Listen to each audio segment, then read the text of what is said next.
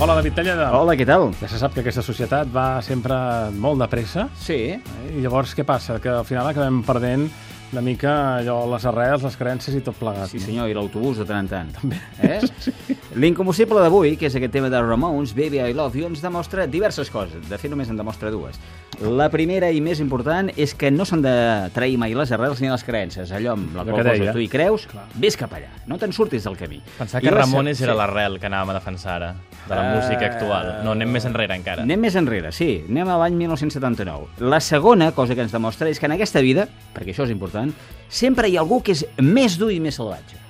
Per tant, tu pots anar de dur i salvatge, però sempre n'hi haurà algú que et superarà. Eh? Aquestes dues teories, el col·lectiu The Ramones, les va experimentar en primera persona l'any 1979. Possiblement, una mica fars que tinguessin un nombre molt important de fans, però que això no es traduís directament en un volum milionari de venda de discos, aquests quatre senyorets de Queens van decidir contractar els serveis de tot un autèntic mag de la producció, aquesta mena de rei Mides, Mm. De la música era ni més ni menys que Phil Spector, Home, l'home que, imagina't, precisament va produir al seu dia l'incombustible d'avui. Eh? Aquesta versió del Baby I Love You que The Ronettes van immortalitzar el 1963.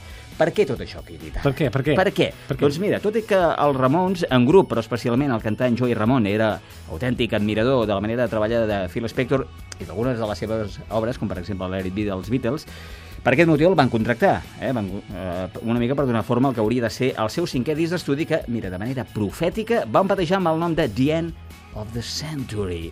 I és que aquesta experiència va estar a punt d'acabar literalment amb la vida dels quatre músics nord-americans I això? En van sortir sants i estalvis de miracle, però mai es van recuperar de les seqüeles i tres van morir. Què va passar? Tard, eh? Uh, tot el que havia de sortir malament Sí. va sortir encara pitjor. D'entrada, Ramones s'ha de dir que mai han destacat pel seu virtuosisme instrumental ni tampoc per passar-se gaires hores a l'estudi assajant. Eren com aquells estudiants que van a la facultat i es passen més hores al campus i al bar que no pas a les aules. Eh? Però tot això, Phil Spector ho va tallar de socarrel. I el millor mètode que va trobar era el que sempre ha fet servir davant de casos de rebel·lia i insubordinació, és a dir, a trets directament de pistola. Home, Clar, què passa? Al començament de Ramones van pensar que tot plegat era una fanfarronada fins que Phil Spector va premer diversos cops al gatell i va apuntar directament al cap d'en Joey. I el va dir, o ho feu a la meva manera o ho feu a la meva manera. ja eh? entenc què va passar, clar.